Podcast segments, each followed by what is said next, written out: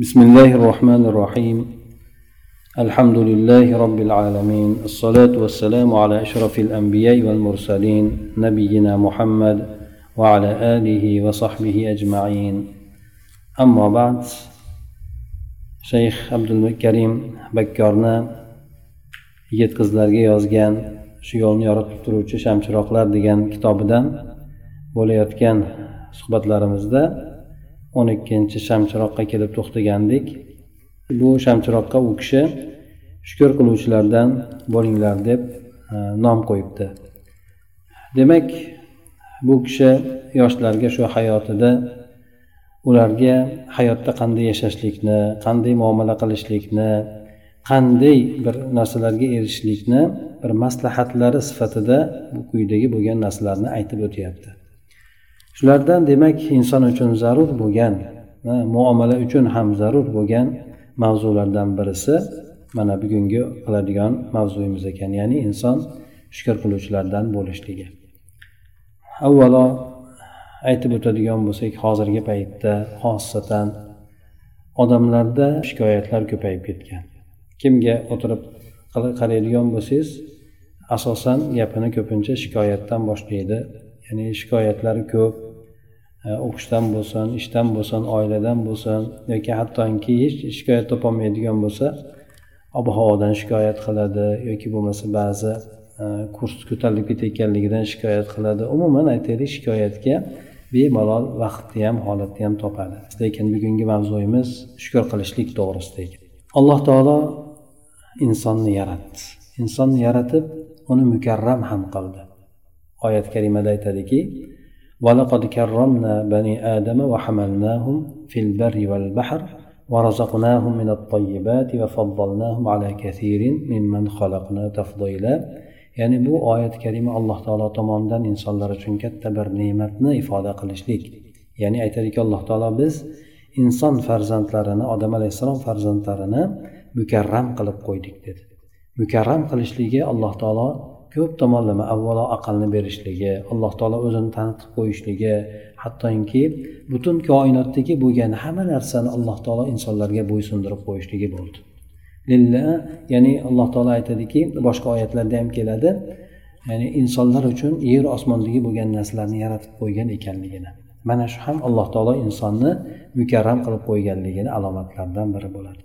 Yana alloh taolo aytdiki biz insonlarni quruqlikda yerda ko'tarib qo'ydik. Darajalarini ham ko'tarib qo'ydik. Shuningdek biz insonlarga pokiza bo'lgan taomlarni rizq qilib berdik deydi. Haqiqatdan insonni taomlariga qaraydigan bo'lsanglar pokiza taomlarni taomlanadi. Hayvonlarni taom yeyishni qaraydigan bo'lsanglar hattoki insonlarda yanidagi bo'lgan jin toifasini taomlariga qaraydigan bo'lsanglar ham mana hadislarda kelishicha ular insonlardek xush taomlar bilan taomlanmaydi. Alloh taolo bu narsani insonlar uchun berib qo'ydi. Ana undan keyin yana alloh taolo aytadiki biz insonlarni e, judayam ko'plab yaratgan maxluqotlarimizni ustida afzal qilib qo'ydik dedi. Haqiqatdan insonlarni alloh taolo juda ko'plab yaratgan maxluqotlarni ustidan afzal qilib qo'ydi. Qachoniki inson allohga iymon keltiradigan bo'lsa yaxshi amallarni qiladigan bo'lsa judayam yuqori bo'lgan darajaga ko'tariladi. Alloh taoloni huzurida judayam mo'tabar kimsaga aylanadi. Lekin allohga kofir bo'ladigan bo'lsa alloh taoloni nazdida judayam judayam quyi hattoki hayvondan ham ko'ra pastroq bo'lgan darajalarga tushib ketib qoladi. Alloh taolo bu koinotni bizga bo'ysundirib berdi nima uchun? Biz alloh taoloni tanishligimiz uchun. Alloh taoloni tanishligimiz uchun bizga shunchalik katta bo'lgan yer zamin kurasini hattoki yerni tashqarisidagi bo'lgan narsalarni ham alloh taolo bizlarga bo'ysundirib qo'ydi. Shundan alloh taolo bizdan nima narsani talab etadi? Bizdan talab etishligi allohga iymon keltirishligimiz hamda alloh taologa shukur qilishligimizni bizdan talab qiladi. Bu aslida hayotimizni g'oyasi ham shundan iborat. Shuning uchun oyat karimada alloh taolo aytadiki ma yafalullohu bi'azabikum in shakartum ma amantum va kanallohu shakiran alima. Agar sizlar allohga iymon keltirib rasuliga iymon keltirib allohga shukrona qiladigan bo'lsalaringiz alloh taolo sizlarni azoblab nima qiladi? Allohga iymon keltirsanglar bo'lmaydimi? Alloh rasuliga iymon keltirsanglar bo'lmaydimi?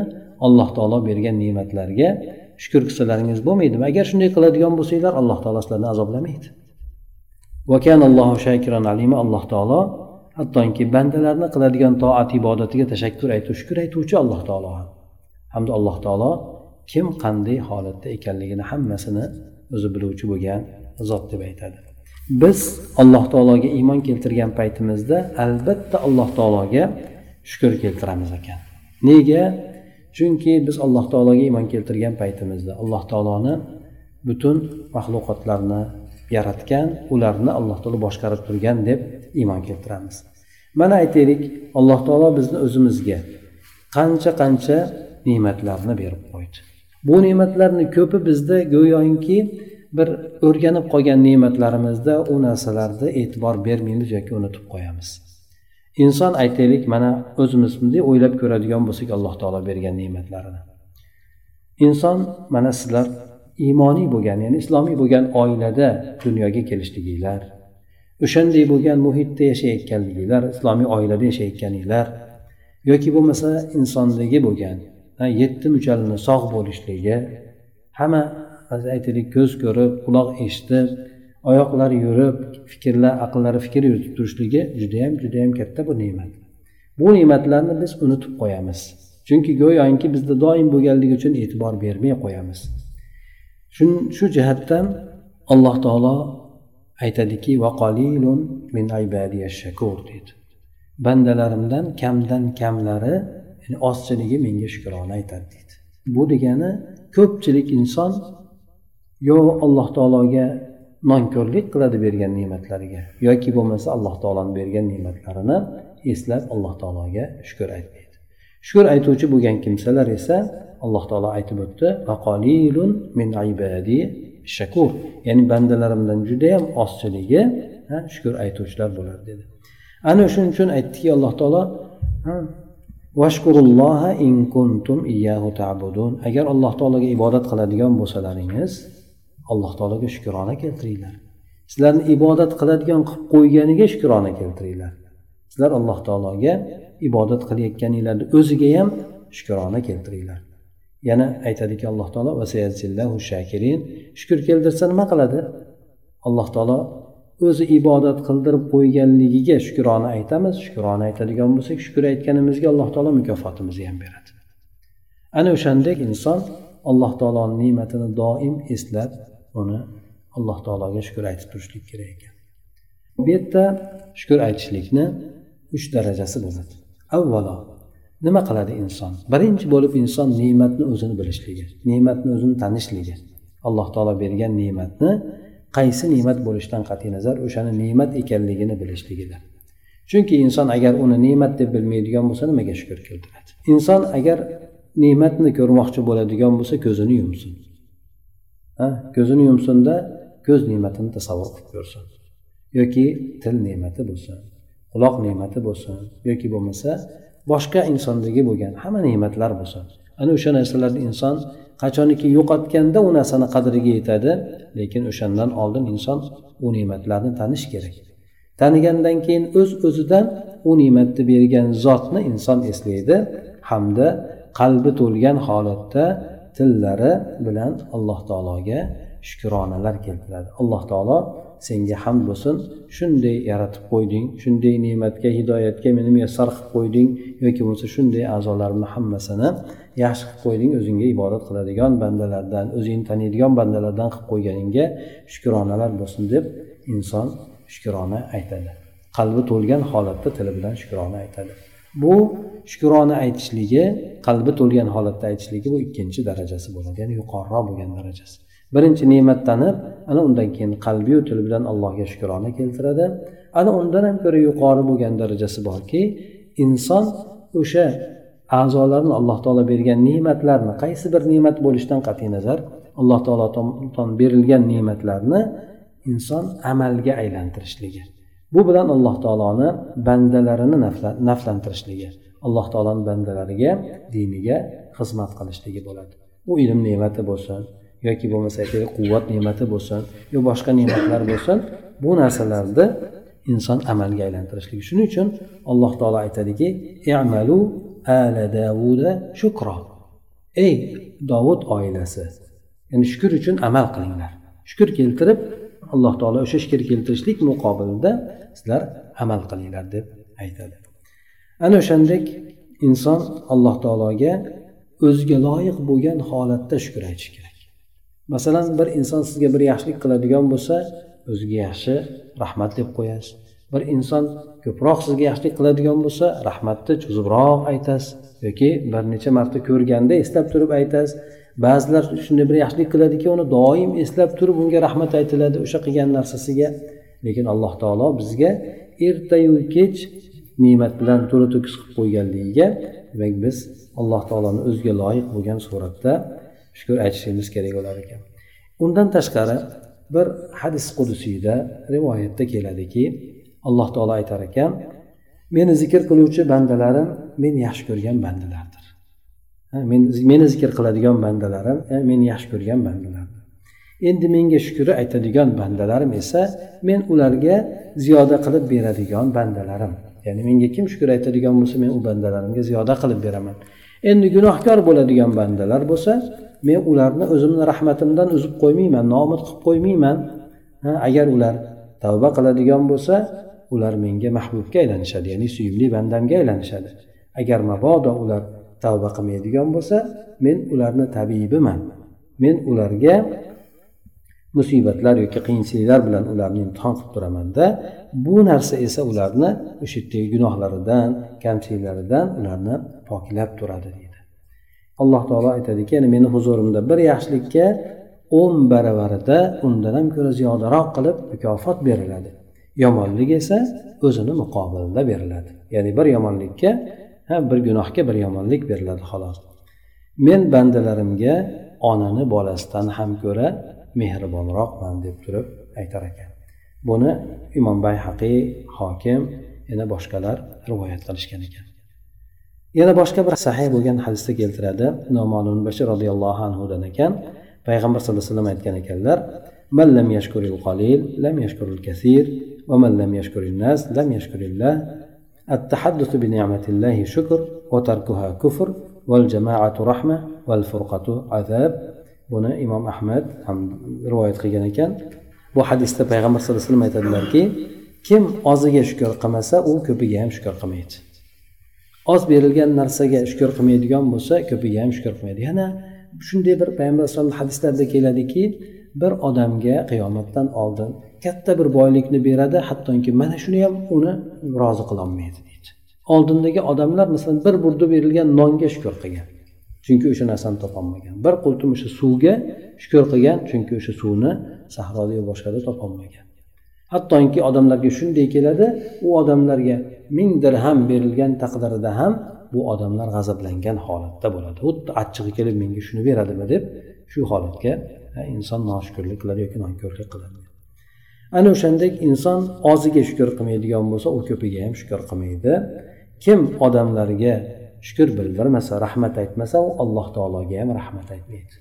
Bu narsa haqida aytadigan bo'lsak to'g'ri inson alloh taologa shukur aytishlik kerak. Lekin sizga bir odam biron bir yaxshilikni qiladigan bo'lsa albatta sizni diniy burchingiz ham o'sha odamga rahmat aytib qo'yishligingiz shuning uchun payg'ambar sallallohu alayhi vasallamdan hadisda keladi sizlarga mabodo bir insonga bir yaxshilik qilinadigan bo'lsa kimki bir odamga yaxshilik qiladigan bo'lsayu o'sha qilgan odamga jazakallohu xayron alloh taolo sizga mukofotingizni chiroyli qilib bersin deb aytadigan bo'lsa bu odamga o'sha nimani maqtovni judayam mubolag'a bilan aytgan bo'ladi deb aytadilar. Ya'ni insonga bir inson yaxshilik qiladigan bo'lsa albatta u insonni qilgan yaxshiligini inson yaxshi qabul qilish kerak unga rahmat aytib shukrona qilish kerak. Ba'zi odam bo'ladi bir odam bir narsani yaxshilik qiladi to'g'ri xudo uchun qiladi lekin u odamdan na bir og'iz so'z rahmat aytmaydi yoki boshqa hech qanaqa bir yo gapirmaydi yo boshqa qilmaydi go'yoki u odam u odamga qarzdordek u odam yaxshilikni qilgan bo'lsa to'g'ri xudo uchun qildi. U odam ixtiyori bilan qildi u odamga. Lekin insoniy buyoqdek bo'lgan odam shuki bu odamga yaxshilik qilinadigan bo'lsa narigi odam talab qilmaydi. Ha talab qilmasligi la nuridu minkum jazaan va la shukuro biz sizlardan rahmatni ham mukofotni ham hattoki tashakkur bildirib qo'yishliginglarni ham biz sizlardan umid qilmaymiz deydi. U odamlarni haqqi shunday. Lekin yaxshilik qilingan odamlar bo'lsa albatta bu odamga nisbatan rahmat deb aytib qo'yishlik kerak bo'ladi. Shuning uchun aytdiki kim odamlarga rahmat aytishni bilmaydigan bo'lsa bu odam ollohga ham shukur keltirishlikni bilmaydi. Shuning uchun nimaga?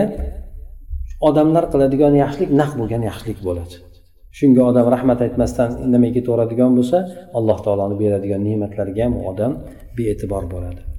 Yana aytdiki alloh taoloni ne'matlari to'g'risida gapirishlik ham o'zi shukurdir alloh taolo bergan ne'matlarni allohga hamd aytib parvardigor olam shunchalik ne'matlarni bizga berib qo'ydi deb gapirishlikni o'zi ham alloh taologa shukur aytishlik bobidan bo'ladi. Endi bu narsani tark qilishlik esa nonko'rlik bo'ladi. Alloh taolo shuncha bergan narsani insonga gapirmaslik. Va amma bi ni'mati robbika fahaddis. Robbingizni ne'matlarini gapiring deydi chunki alloh taolo insonga juda yam ko'p ne'matlarni beradi. O'sha narsani olloh insonlarga gapirishlik kerak. Negaki bu bilan inson avvalo alloh taologa shukur aytishlikni biladigan bo'lsa ikkinchidan boshqalarni ham o'zlaridagi bo'lgan ne'matlarni bir fikrlashligiga bir undov bo'ladi.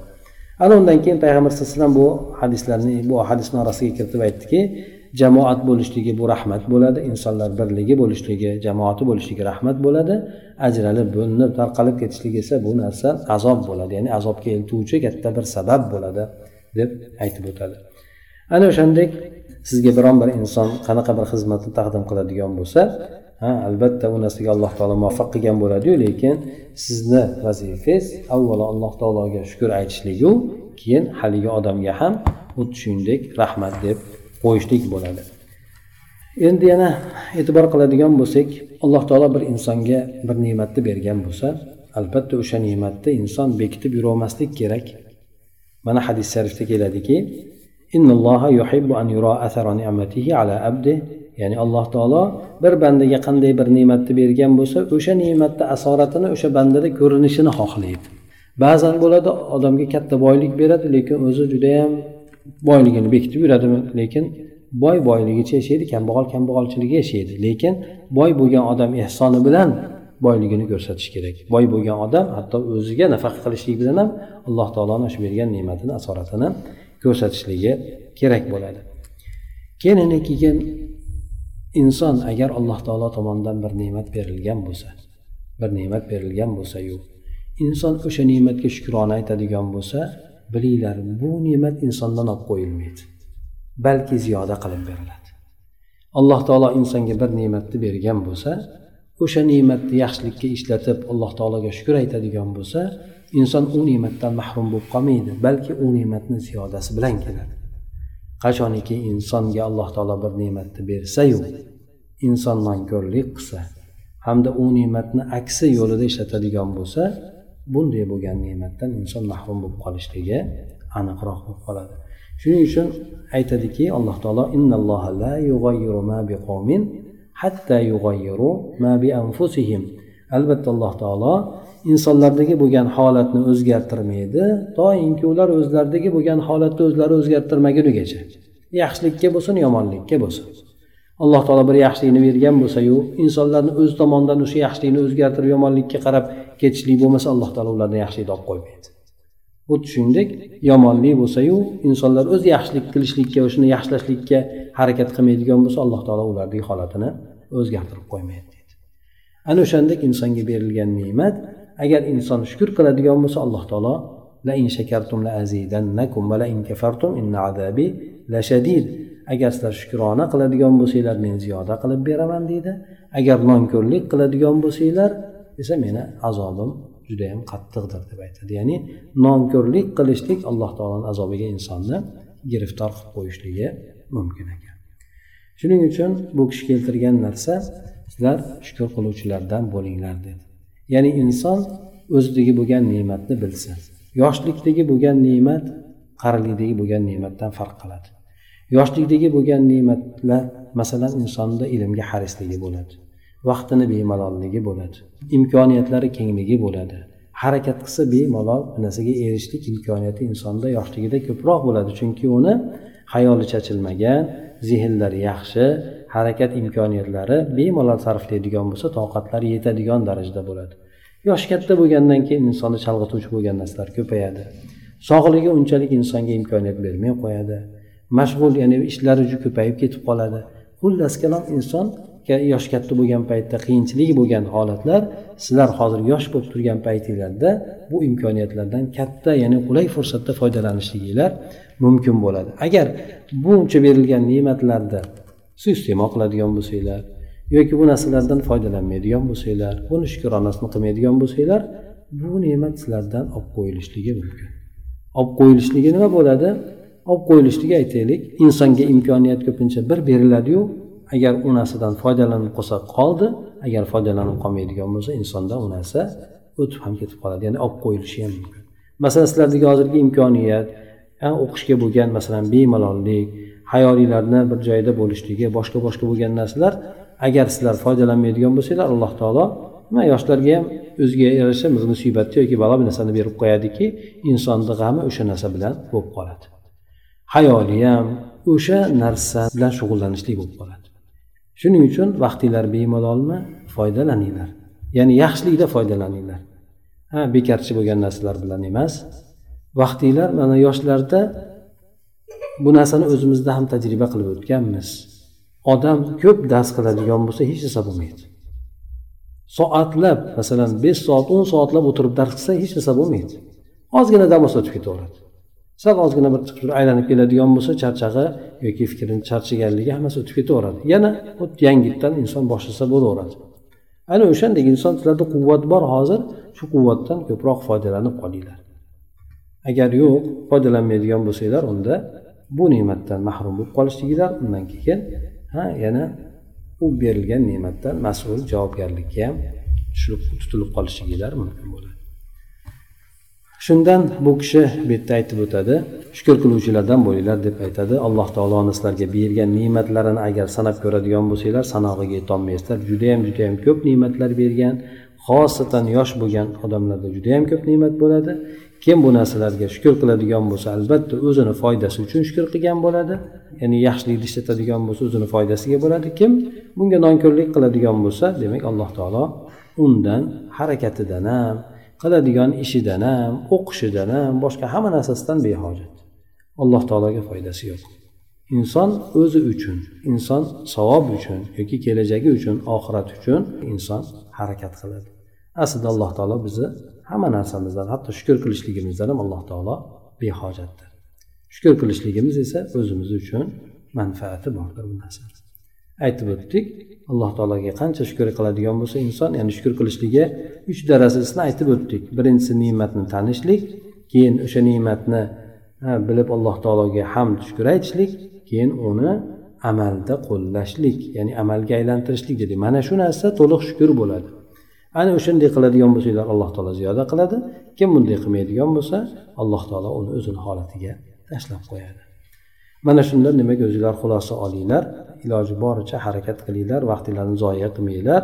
Bekorchi vaqtni zoya qilsanglar bekorchi vaqtinglarni olib qo'yib doimiy ish bilan mashg'ul qilib qo'yadi sizlarni. Ha? Agar fikr zikringlarni yaxshi bo'lmagan yo'lga ishlatadigan bo'lsanglar alloh taolo uni ham sizlardan olib turib boshqa narsalar bilan chalg'itib qo'yadi. Qancha qancha odamlarni chalg'itib qo'ygani kabi. bu darsimizni xulosasi o'zimizdagi bo'lgan ne'matni bilaylik xosatan yoshlardagi shu ne'matlardan qulay suratda foydalanishlikka harakat qilaylik alloh taolo ziyoda qilib beraman dedi yo'qolib qolmaydi ne'matni qancha ishlatadigan bo'lsanglar u tugab qolmaydi balki alloh taolo ziyodasini va'da qildi سبحانك اللهم وبحمدك نشهد أن لا إله إلا أنت نستغفرك ونتوب إليك اللهم انفعنا بما علمتنا وعلمنا ما ينفعنا وزدنا علما